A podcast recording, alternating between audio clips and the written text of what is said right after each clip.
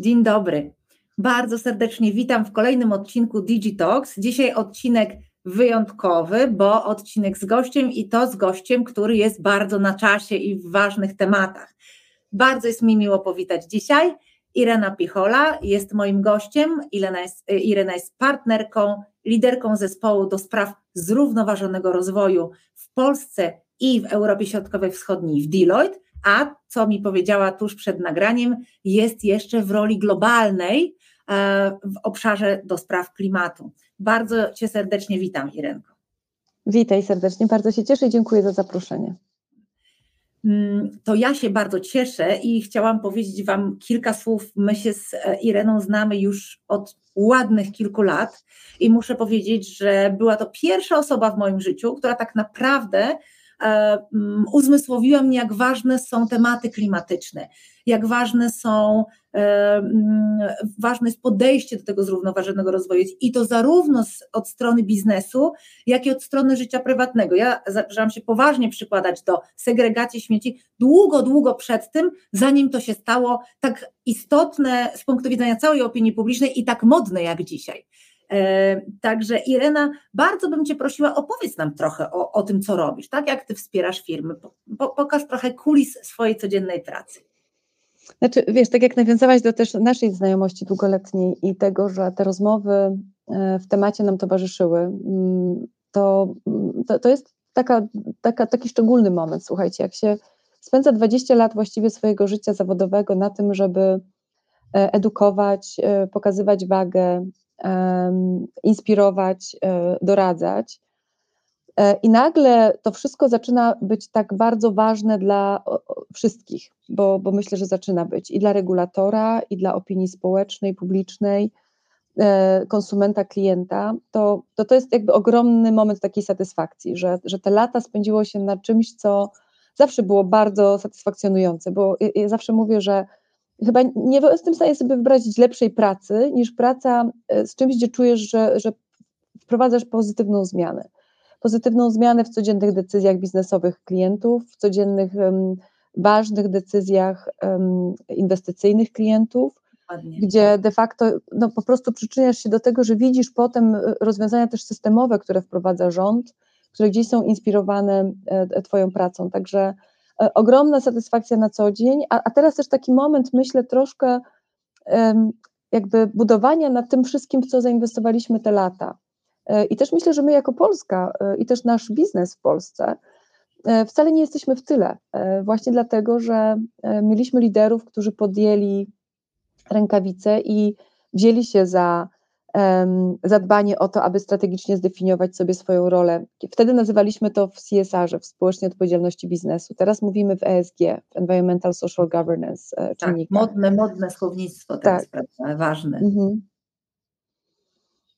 Także wiesz, no to są, to są takie tematy, w których e, w tej chwili można zrobić, znaczy nawet trzeba zrobić bardzo dużo. I, e, i, i ta, taka codzienna moja praca polega na tym, że E, po pierwsze, pracujemy z indywidualnymi klientami, firmami w różnych branżach, pomagając im zdefiniować swoje, e, swoje miejsce w temacie.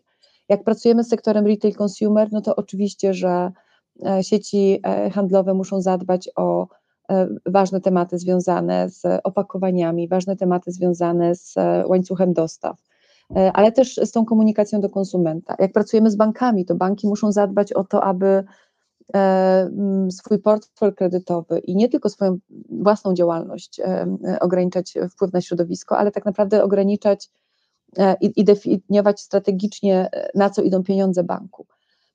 Jak pracujemy z sektorem produkcji, no to tam wiadomo, że zadbanie o efektywność energetyczną, o zadbanie o, o niskoemisyjną produkcję, o, o, o standardy bezpieczeństwa. Także w każdej branży są trochę inne wyzwania, ale w każdej są e, one naprawdę, e, one się bardzo przekładają potem na, na to, co my widzimy na półce, ale też na to, e, z jakim jakby biznesem, jakimi standardami też zachowań mamy, mamy do czynienia. Także, no tak jak mówię, ogromna satysfakcja i też ogromna taka realna, codzienna zmiana w strategicznym podejściu do tematu.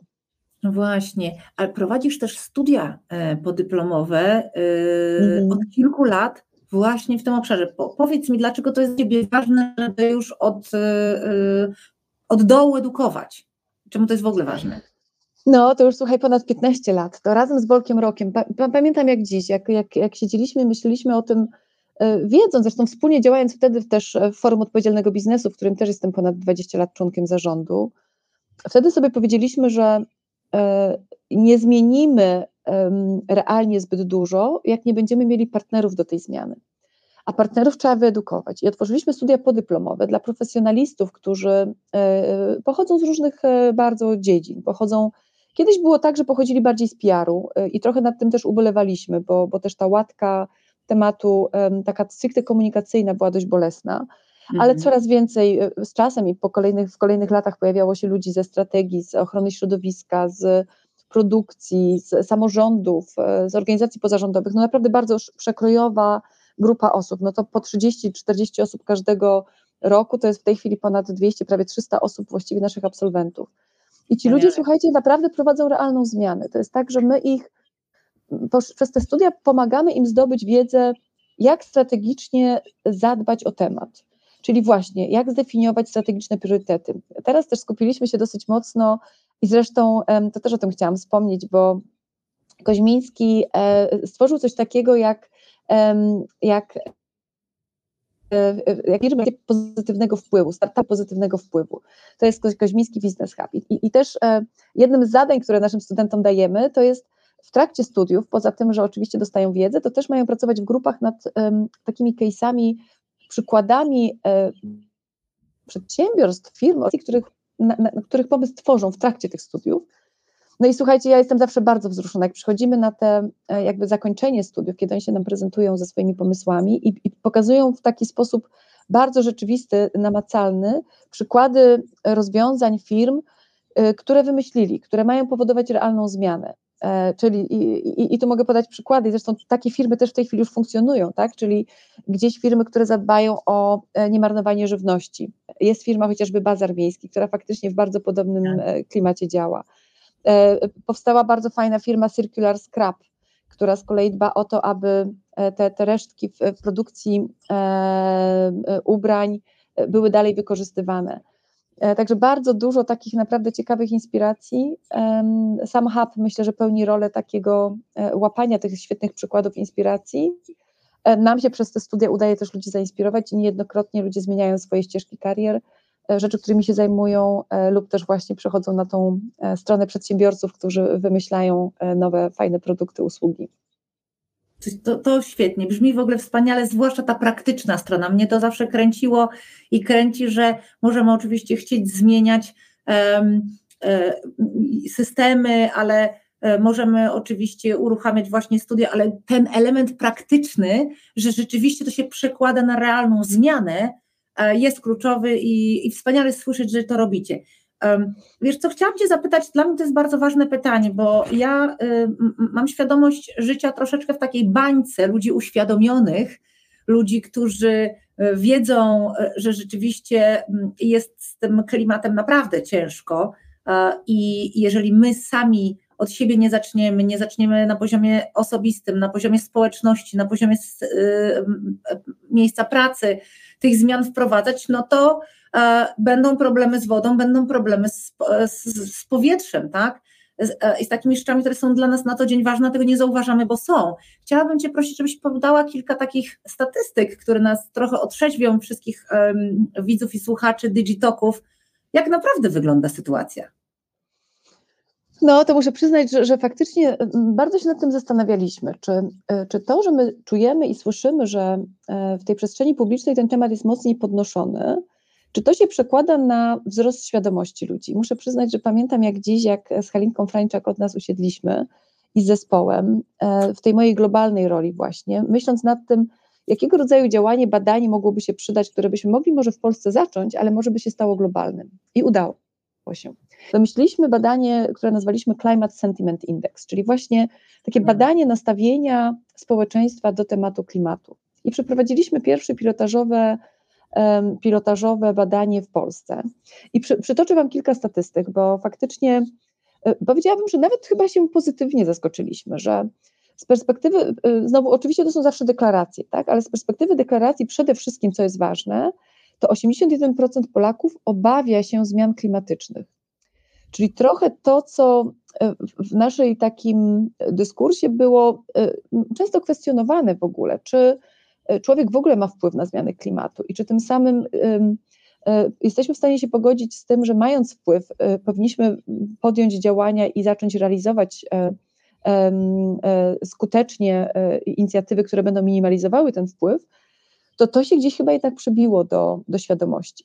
Na pewno sytuacja, na pewno taka sytuacja, którą obserwujemy, tak, która wiąże się z tym, że oczywiście widzimy jakby skutki zmian klimatu, widzimy e, różne zjawiska pogodowe, które nas zaskakują, widzimy, słyszymy o tych e, wielkich pożarach, o, o nawałnicach, sami to odczuwamy e, na naszym e, terytorium też kraju dużo, du, dużo mocniej, to na pewno powoduje, że ta obawa jest coraz większa i ta blis, taka, taka świadomość tego, że to się za, zaczyna do nas zbliżać. Na pewno wiele osób się zastanawiało tak naprawdę, w jaki sposób pandemia wpłynie na postawienie priorytetu na temat i się wydawało, że może ona odsunie go. Ale znowu, no, nie, nie trzeba daleko szukać, żeby widzieć powiązania jakby E, powodów, jakie, jakie, jakie stoją za pandemią, e, związane z, właśnie z trochę z, z brakiem bioróżnorodności, z, z pewnymi e, znowu naukowo już stwierdzanymi zjawiskami, no, które gdzieś sto, stoją u przyczyn. Co, co, tylko pokazuje, że my naprawdę z pewnymi ryzykami musimy sobie zacząć radzić lepiej. No i teraz to, że Polacy się obawiają w tych 81%, to, to znowu było dla nas ciekawe, na ile są gotowi podejmować pewne decyzje bardziej świadomie. I zapytaliśmy o, o kilka rzeczy. Po pierwsze, zapytaliśmy o to, e, ile z nich podejmuje w swoim codziennym życiu jakiekolwiek działania. I słuchajcie, 96% społeczeństwa naszego deklaruje, że podejmuje jakiekolwiek, tak? To, to znowu może podać przykłady jakie i tutaj też znowu ciekawe, no są to oczywiście takie proste rzeczy, tak? Związane z segregacją odpadu, z właśnie z oszczędzaniem wody, um, gdzieś e, troską o E, o, o, o, taką efektywność energetyczną tego miejsca, w którym funkcjonujemy, gdzieś taką, taką, taką troskę właśnie o to wyłączenie światła, o zamknięcie okna e, przy przychodzącej klimatyzacji. No takie czasami bardzo proste przykłady, ale od nich często się zaczyna. Tylko 4% e, wskazało, że tak naprawdę nic nie robi. No, czyli, czyli naprawdę mamy duży skok jakby zmiany świadomości. Oczywiście marzymy o tym, żeby te działania były bardziej systemowe, żeby one przekładały się na taki sposób naszego codziennego podejmowania decyzji, E, co kupujemy, co spożywamy e, i to pewnie nadejdzie, ale, ale dobrze, że mamy już, już chociaż troszkę takich, takich przykładów czy działań. Druga mhm. perspektywa, którą spróbowaliśmy złapać, to jest pracodawców, czyli na ile to, dla kogo pracujemy, ma dla nas znaczenie. I też ciekawe, że e, znowu sporo osób zadeklarowało, że jest w stanie Y, jakby patrzę na dwie rzeczy. Po pierwsze na to, co pracodawca robi i na ile mhm. przyczynia się pozytywnie do, do wpływu na środowisko. A po drugie, zapytaliśmy też tak trochę przewrotnie, czy by, byłbyś w stanie zaakceptować niższą pensję w momencie, kiedy e, mhm. byłby to pracodawca, który faktycznie e, działa odpowiedzialnie. E, i, I co ciekawe, to tutaj zaraz Wam przytoczę statystykę. E, tu mieliśmy już sekundeczka. No i zgubiłam gdzieś tą liczbę. Mhm. Ale to ja może w takim razie, jak ty szukasz, to zrobię taki mhm. komentarz. Mhm. Zaskoczona bardzo tymi wynikami, pozytywnie oczywiście, mhm. bo ja na przykład chodzę w soboty na bazar do siebie z mhm. wielorazowymi siatkami, które sobie piorę. I wciąż jestem w ogromnej mniejszości, a mieszkam w Warszawie i w takiej części, której wydawałoby się jest dużo świadomych osób, ludzie biorą na potęgę te plastikowe torby, e, a mamy tą świadomość, że tak, w tej chwili co 30 minut w oceanie, w dowolnym oceanie, mm. ląduje ciężarówka plastiku i że plastik wiemy już nawet, że wdychamy i on powoduje też przeróżne choroby, a z drugiej strony wydawało mi się, że ta świadomość jest mniejsza, to jest bardzo pozytywne. Może część z nich deklaruje, ale jak dzisiaj deklarują, może jutro zaczną, zaczną działać. Natomiast ta statystyka, te 96% to jest e, w ogóle szokująco pozytywna.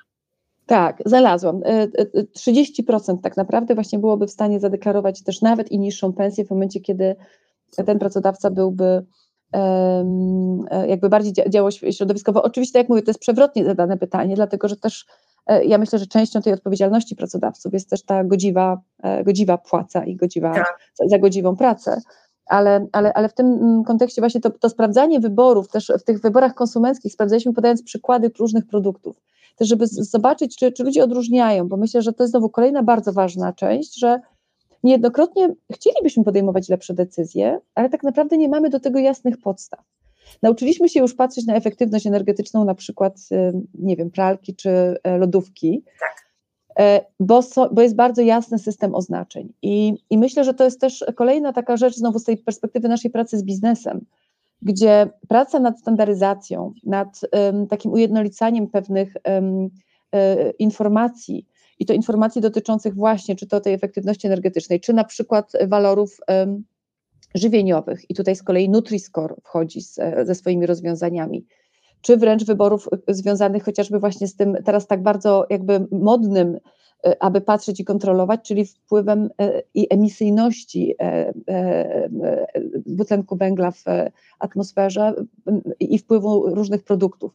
I, I, też się mówi coraz częściej o tym, o tym tak zwanym carbon labelingu, czyli tym, że za chwilę jesteśmy w stanie spojrzeć i, i, i widzieć, który z naszych produktów, które spożywamy, tak naprawdę generuje więcej E, emisji CO2 w swoim e, całym łańcuchu. Tak zwany ślad węglowy, prawda? Tak zwany ślad węglowy, dokładnie. Że możemy sobie tak, liczyć jako rodzina, na przykład miesięcznie, jaki poprzez swoje decyzje zakupowe różne, jaki tworzymy ślad węglowy. I to jest na przykład ciekawe też do pracy z dziećmi, prawda? Do, do jakby odpowiedzialności całej rodziny. Nie tylko ja jako osoba dorosła, jako, jako głowa rodziny się tym przejmuję, ale e, zarażam tym tematem wszystkich, prawda? Tak, tak, ale to właśnie jest też kwestia tego, żeby wiedzieć, prawda? Wiedzieć, co w tym gospodarstwie domowym tak naprawdę ma duży wpływ i, i z jakiego rodzaju może decyzjami warto gdzieś tam wewnętrznie powalczyć i, i z pewnych rzeczy zrezygnować i może one wcale nie muszą wpłynąć też na komfort życia. Czy, czy na jakość życia. One po prostu mogą spowodować bardziej świadome decyzje. E, tak. Tym, czym jadę, jak jadę, e, czym, czym ogrzewam, jak ogrzewam, tym e, właśnie trochę w jaki sposób buduję, w jaki sposób podejmuję decyzje też o tym, gdzie mieszkam, jak mieszkam. Także coraz więcej myślę, że młodzi ludzie są pod tym względem niesamowici, że naprawdę są w stanie decydować o, o miejscu, żeby móc się przemieszczać się komunikacją miejską swojego zamieszkania, są w stanie podejmować decyzje o o, o, właśnie pewnych um, takich, um, no, można powiedzieć, dla niektórzy by powiedzieli bardziej dyskomfortowych um, jakby warunkach, ale wcale nie, bo one, one potrafią być często bardzo takie też inspirujące dla innych, czy tym tak zwanym e, znowu sharing economy, tak? czyli o, tych, tak. o tym łączeniu się, dzieleniu, E, no to, to, też niesamowite trendy, które, które bardzo są spójne z tym naszym myśleniem i rozmową dzisiaj. Tak, i mam wrażenie, że my y, y, jakby wszystkie pokolenia mogą od tego, od tych zetek tak naprawdę głównie mhm. zaciągnąć, bo mm, właśnie dobrze to ujęłaś. U nich to nie jest utrudnienie, to jest jakby element stylu życia. Elementem tak. stylu życia jest, że mhm. przemieszczam się na rowerze na przykład najczęściej. Elementem stylu mhm. życia jest, że chcę pracować w biurze, do którego jest dostęp metrem. E, albo, e, wszelkie, albo na przykład miejsce dla rowerów, albo różnego rodzaju udogodnienia, które powodują mi właśnie ten e, mniejszy świat, mniejszy ślad węglowy generować. Świetnie, że podjęłaś ten wątek, bo dzisiaj, kiedy mamy ogromny mm, jednak próby kondensacji wysokich talentów w organizacjach, mm. prawda? I walczymy o dobrego pracownika, walczymy o pracownika, który zna i rozumie technologię, to ci pracownicy mogą wybierać. A jeśli wybierają, to super, jeżeli jednym z argumentów, które biorą pod uwagę podczas wyboru takiego miejsca pracy, jest to, a przede wszystkim zadają takie pytanie, e, jak ekologiczną jesteście organizacją? Co robicie, żeby wasza ekologiczność wzrosła? Czy są jakieś inicjatywy w tej firmie, do których ja się mogę też dołączyć, bo chcę tego, prawda, jako element mojego życia e, prywatno-zawodowego? I to jest fenomenalne. Myślę, że to jest ciekawa wskazówka dla naszych y, widzów i słuchaczy, co można zrobić, co mogę zrobić ja jako jednostka, bo ja wiem, że najwięcej y, rzeczy jesteśmy w stanie zdziałać na poziomie systemowym, y, na poziomie dużych organizacji globalnych, które jak zrobią jedną zmianę, to ona ma wielki impact. Ale ja wierzę bardzo w to, że masowo pojedyncze osoby też są w stanie dużo zdziałać, na przykład biorąc torby wielorazowe na bazar co tydzień, na przykład porządnie segregując śmieci, my też mam taką tendencję do takiego, ta, prawda, niezbyt porządnego segregowania, e, na przykład oszczędzając wodę. Właśnie powiedz, co dla Polski jest kluczowe w tych, e, w tych tematach, bo wiem, że e, wody gruntowe nasze są na bardzo e, kiepskim poziomie, prawda? Uświadommy może też trochę rzeczy. Tak, ja myślę, słuchajcie, że, że, że, na pewno warto patrzeć na to mm, z jednej strony, jakie mamy zasoby, a z drugiej strony, jakie mamy e, gdzieś cele przed sobą. I tutaj bardzo taki wdzięczny framework przychodzi z pomocą, a mianowicie e, cele zrównoważonego rozwoju, które ja absolutnie uwielbiam. Uważam, że one są takim wspólnym językiem, e, właściwie można powiedzieć, wszystkich krajów świata e, i pokazują, co tak naprawdę należy zrobić na poziomie wyzwań gospodarczym, gospodarki. No i oczywiście, że my jako gospodarka mamy kilka obszarów wyzwań. I, i na pewno no, no nie można nie zacząć od e, naszego miksu energetycznego, e, w którym e, ta ogromna transformacja zielona po prostu będzie musiała nastąpić. I to, że my sobie stawiamy cele, że chcemy być spójni z celami Europy neutralności klimatycznej, no to na pewno jest bardzo dobrze. Bardzo dobrze, że pewne polityki, pewne plany były i są weryfikowane i, i są przyspieszane te ścieżki dochodzenia do neutralności klimatycznej i tego, co się musi w tym temacie mhm. zadziać. I to znowu powoduje pewną kaskadę na branże, które mają wyzwanie, powoduje kaskadę na e, jakby takie zadbanie o to, aby e, e, jakby inwestycje w tych obszarach, w tych tematach też przyspieszały. Wspomniałaś o wodzie, to jest faktycznie taki nieoczywisty, bo, nie odczuwamy tego braku na co dzień, ale Jeszcze. faktycznie te nasze zasoby wodne są bliskie Egiptowi, który no, z kolei dużo bardziej nam się kojarzy z, z, tym, z tym wyzwaniem, problemem. I znowu, żebyśmy wiedzieli, jakie to może mieć implikacje. No, wiele sektorów e, no, jest zależnych, ich produkcja od dostępu do wody. E, już pomijając ten wymiar taki bardzo, bardzo ludzki pewnych praw człowieka dostępu do wody. I, I, myślę, że to jest też szalenie ważne, żeby wiedzieć, że właśnie te, te, ta, ta, praca nad oszczędnością, tą, tą codzienną, o której powiedziałaś, ale też znowu tę systemową, czyli na przykład systemami retencji wody, które mogą być wprowadzane w, poprzez samorządy, poprzez, poprzez w ogóle e, myślenie o roli takiej właśnie powiedziałabym szerszej, to, to, to, to się wszystko jakby tutaj na pewno dzieje i może dziać. No, nie mamy chyba wątpliwości, że w naszej części Europy Polska jest jednym z krajów i niestety ma tą naj, najliczniejszą listę miast, które mierzą się z wyzwaniem czystego powietrza.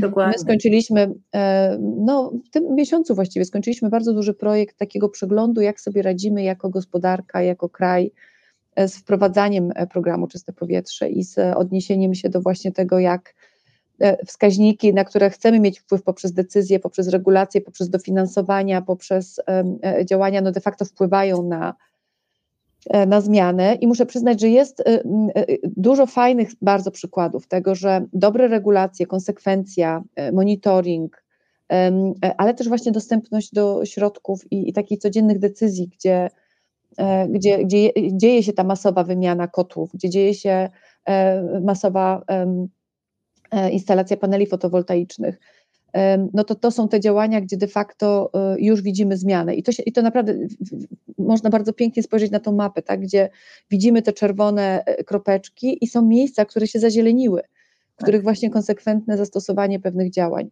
Znowu transport oczywiście, który ma tutaj też swój duży, duży, e, duży przyczynia się też w dużym stopniu, szczególnie w dużych miastach.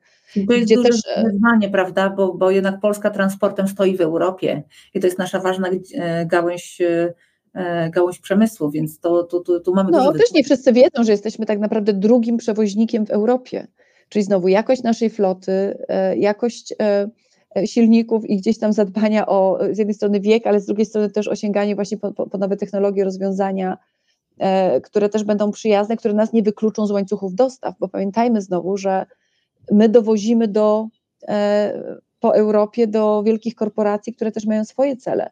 Tak. Jeśli one sobie postawią jasno cele, e, w tej chwili jest regulacja, która wchodzi w Niemczech, która mówi o tym, że e, e, jest, jest konieczny to tak zwany due diligence, przegląd E, całych łańcuchów dostaw właśnie z perspektywy praw, praw człowieka, mhm. ale też praw do ochrony środowiska, tak. e, to nagle się okaże, że my z tych łańcuchów wyskoczymy, jeśli nie dokonamy zmiany. Czyli znowu dla tych wielkich firm, firm transportowych, które stanowią e, jakby dużą i ważną część naszej gospodarki, to oznacza, no trzeba się zabrać za, za robotę, robić przeglądy, robić inwestycje, tak. liczyć, pokazywać efekty zmiany też. To jest trochę być albo nie być dla nich. Tak. Na koniec, bo tak już nam się um, zbliża um, takie podsumowanie naszego dzisiejszego mhm. spotkania, chciałabym z Tobą porozmawiać, bo cieszę się bardzo i bardzo Tobie też dziękuję za to, że udaje nam się stworzyć pierwszy wspólny projekt. Digital University jest trochę bardziej e, szeroko o technologii, ale no nie sposób jest nie ująć y, mm, tego tematu ekologicznego, który się staje dla nas ważny i, y, i razem ruszamy e, projekt BiEco, którego jesteście ogromnie ważną częścią, dlatego że wspieracie w przygotowaniu e, scenariuszy lekcji dla dzieci w szkołach podstawowych. Chcemy tym programem w tym roku objąć mniej więcej 20 tysięcy dzieci, ale biorąc pod uwagę to, co już widzimy, jakie ogromne jest zainteresowanie, ponad 700 nauczycieli, nauczycielek zgłosiło się mhm. E, do programu, żeby e, zdobyć tą wiedzę podczas webinarów, żeby dostać te scenariusze lekcji i poprowadzić te lekcje z, z uczniami. Także um, powiedz o tym, dlaczego Twoim zdaniem właśnie ten obszar też jest ważny, żeby tak zacząć u podstaw. Znaczy, mówiliśmy o tej edukacji profesjonalistów, tak, którzy w swoich decyzjach biznesowych, dzięki chociażby studiom podyplomowym, są, podyplomowych są w stanie dokonać zmiany. Ale znowu, ta, tak jak powiedziałaś, ta zmiana się dzieje gdzieś tam od samego początku. E, I ja zawsze bardzo zazdrościłam krajom skandynawskich, które miały ten poziom takiej ogólnej świadomości społeczeństwa tak wysoki, że tam po prostu pewne rozwiązania były naturalne. I trochę się marzy to, żeby, żebyśmy my też mogli po prostu pewne rzeczy robić jako, jako pewien nawyk, jako pewien sposób myślenia. No i ten sposób myślenia trzeba zmieniać od samego początku. I e, ja uważam, że edukacja odgrywa tu przeogromną rolę. I co więcej, e, myślę, że też wszyscy są głodni e, dobrej edukacji w temacie, rzetelnej edukacji, właśnie takiej, która pozwala odróżnić. Dużo się mówi o greenwashingu też w całym w tym wątku, nie dotknęliśmy tego tematu tutaj, ale też trzeba być w pewnym sensie ostrożnym z tym, jakiego rodzaju działania, kroki faktycznie się przyczyniają, a jakiego nie. No i tym samym no to jest po prostu, myślę, że taka trochę nasza powinność, żeby, żeby zadbać o, o, o dzieci, młodzież, żeby to oni mieli wpływ potem na to, jakie decyzje podejmują w tych kolejnych swoich krokach, decyzji nawet i o karierze, o tym, na czym się skupią. E, bardzo się mówi o tym, że w ogóle głód na specjalistów w tym temacie też będzie tak. ogromny. Także to też jest znowu pewne rysowanie im ścieżek karier, w których będą mogli odegrać swoją, swoją rolę w przyszłości. E, I tutaj muszę przyznać, że też strasznie się cieszę, jestem bardzo dumna, że nasza fundacja e, Deloitte, która powstała e, nie tak dawno, ale, tak. ale ma bardzo ambitne, ambitne plany i chce też przyczynić się właśnie do tego, żebyśmy właśnie w, tym, w tych wątkach rozumienia wpływu zmian klimatycznych, edukacji ekologicznej szerzej rozumianej odgrywali rolę. Także strasznie się cieszę. Cieszę się też i bardzo dziękuję jeszcze raz zespołowi, który tutaj też przyczynia się do tworzenia tych e, odcinków, materiałów merytorycznych, no bo na koniec dnia to jest też bardzo ważne, tak, żebyśmy poza tak. tym, że, że, że, że, mamy wiedzę, możemy się nią dzielić z klientami, e, możemy powodować tą dużą zmianę, to, to żebyśmy też na tą małą zmianę u podstaw e, działali i też dzielili się tym, co mamy najlepszego, a mamy wiedzę i doświadczenie. Hmm. Ja też się bardzo cieszę, że staramy się dotrzeć do małych miejscowości, do szkół poniżej 50 tysięcy mieszkańców w miejscowościach, więc to też jest tak, że E, te, chcemy wyjść poza te bańki osób, które mają po pierwsze duży dostęp do tej wiedzy i po drugie są też częściej świadomi. E, bardzo się cieszę z jakości e, tych materiałów i z jakości i w ogóle z energii wszystkich ludzi, którzy pracują w tym projekcie, bo przychodzi informacja zwrotna od wielu osób, że to jest po prostu bardzo ciekawe, że oni chcą tego dalej uczyć. Tak? Widzę, że do nas, do, do fundacji, do pracy zgłasza się, zgłasza się mnóstwo nauczycielek, Mhm. które chcą już y, z szerszego punktu widzenia, bo nie tylko chcą uczyć te 30 tam dzieciaków y, na każdej 45-minutowej lekcji, tylko chciałyby od tego e, takiego właśnie szerszego kontekstu zacząć. To, to, to oznacza, że rzeczywiście po pierwsze utrafiliśmy w temat, który jest teraz bardzo kluczowy. Mam nadzieję, że to e, pozwoli nam znowu, tak jak mówisz, e, trochę Ci zazdroszczę tego prowadzenia już studiów od 20 lat, bo już wychowałaś osoby, które czynnie czynią zmiany. Mam wielką nadzieję, że te nasze dzieci, te 8, 10, 12, 14 latki dzisiaj e, uczące się na naszych zajęciach będą za 2-3 lata już liczę e, tworzyły startupy, które będziemy być może mogli finansować i działalność, tak? Start na przykład, to mi się marzy, żebyśmy mm, e, dawali im też takie wsparcie w rozwoju, bo oni na takim poziomie nastoletnim już mogą mieć niesamowite, oddolne właśnie pomysły, czy jak e, e, działać w mm, tych wszystkich recyklingowych projektach, ale też w ogóle w ograniczaniu E, e, czy na poziomie właśnie działalności firmy. Dzisiaj jest e, piękna współpraca startupów też z dużymi biznesami. Tak chciałam wczoraj robiłam zakupy narciarskie last minute i w, w jednym ze sklepów 4F widziałam cały sektor, na razie może mhm. jeszcze nie za duży, ale odzieży używanej, którą tam można kupić, którą ludzie przynoszą, które oni odrestaurowali i prowadzą to razem z ubrania do oddania, więc to jest świetny, świetny E, przykład takiego mariażu, którego bym bardzo chciała, do którego bym bardzo chciała, żebyśmy się przyczyniali, prawda? Tak, i tutaj dwa komentarze szybkie. Bardzo się cieszę, bo nasza Marta Karwacka faktycznie inspirowała 4F do e, tego programu i, i to, jest, to jest właśnie trochę ta zmiana, o której mówimy, tak? gdzie, gdzie, gdzie jesteś w stanie mieć wpływ na to, jak gdzieś tam wielka korporacja faktycznie realizuje program, który myślę, że może w ogóle zmienić jakby mhm. percepcję i, i, i możliwość e, tego, co my jesteśmy gotowi zaakceptować na półce i, i w jaki sposób też podejść do, do jakby doceniania wartości, którą, e, którą taki produkt niesie. E, a po drugie, chciałam jeszcze zamarzyć o jednej rzeczy, a mianowicie, żebyśmy tym naszym programem edukacyjnym, który uruchomi, uruchomiliśmy, jednak byli inspiracją dla systemowej zmiany. I to e, zawsze to bardzo lubię i cenię, gdy jesteśmy w stanie wprowadzać rzeczy do programów nauczania, do systemowego sposobu e, gdzieś tam właśnie, nie wiem, raportowania, ujawniania informacji, czy właśnie strategicznego działania. I tutaj w tym, na tym polu myślę, że mamy też wspólny, wspólny cel, e, abyśmy e, faktycznie gdzieś mogli powiedzieć, że to nie jest 20 tysięcy dzieciaków, tylko to są te setki tysięcy, które po prostu w systemie edukacji funkcjonują każdego roku. Dokładnie i bardzo ciekawe mają lekcje na temat ekologii. No myślę, że to jest piękne mhm. zakończenie naszej dzisiejszej rozmowy. Kochani, moim gościem była myślę, naprawdę najważniejsza edukatorka polska w obszarze nowych technologii, kobieta, która zrobiła y, od 20 lat, robi y, mnóstwo w obszarze zrównoważonego rozwoju, mm, realizacji celów właśnie związanych ze zmianami klimatycznymi. Bardzo Ci, Irena, dziękuję za dzisiejsze spotkanie. Cieszę się bardzo, że będziemy to razem realizować. Jeszcze Cię na pewno zaproszę, żebyśmy pogadały, jak będziemy mieć pierwsze ciekawe efekty e, tej działalności. Bardzo serdecznie Ci dziękuję za dziś. Bardzo dziękuję i wszystkich Państwa zachęcam naprawdę do e, działania w temacie i powodowania tej codziennej, nawet małej zmiany w swoim otoczeniu. Dziękuję. Dziękuję bardzo. Zapraszamy e, na kolejny odcinek za tydzień, a z dzisiejszego mam nadzieję, że wynieśliście sporo wiedzy, którą się e, Irena z nami podzieliła i że jakiś jeden mały element ekologiczny do swojego codziennego życia dołożycie taką cegiełeczkę, czego wszystkim nam życzę, ja też to będę starała się realizować. Do zobaczenia. Dziękujemy.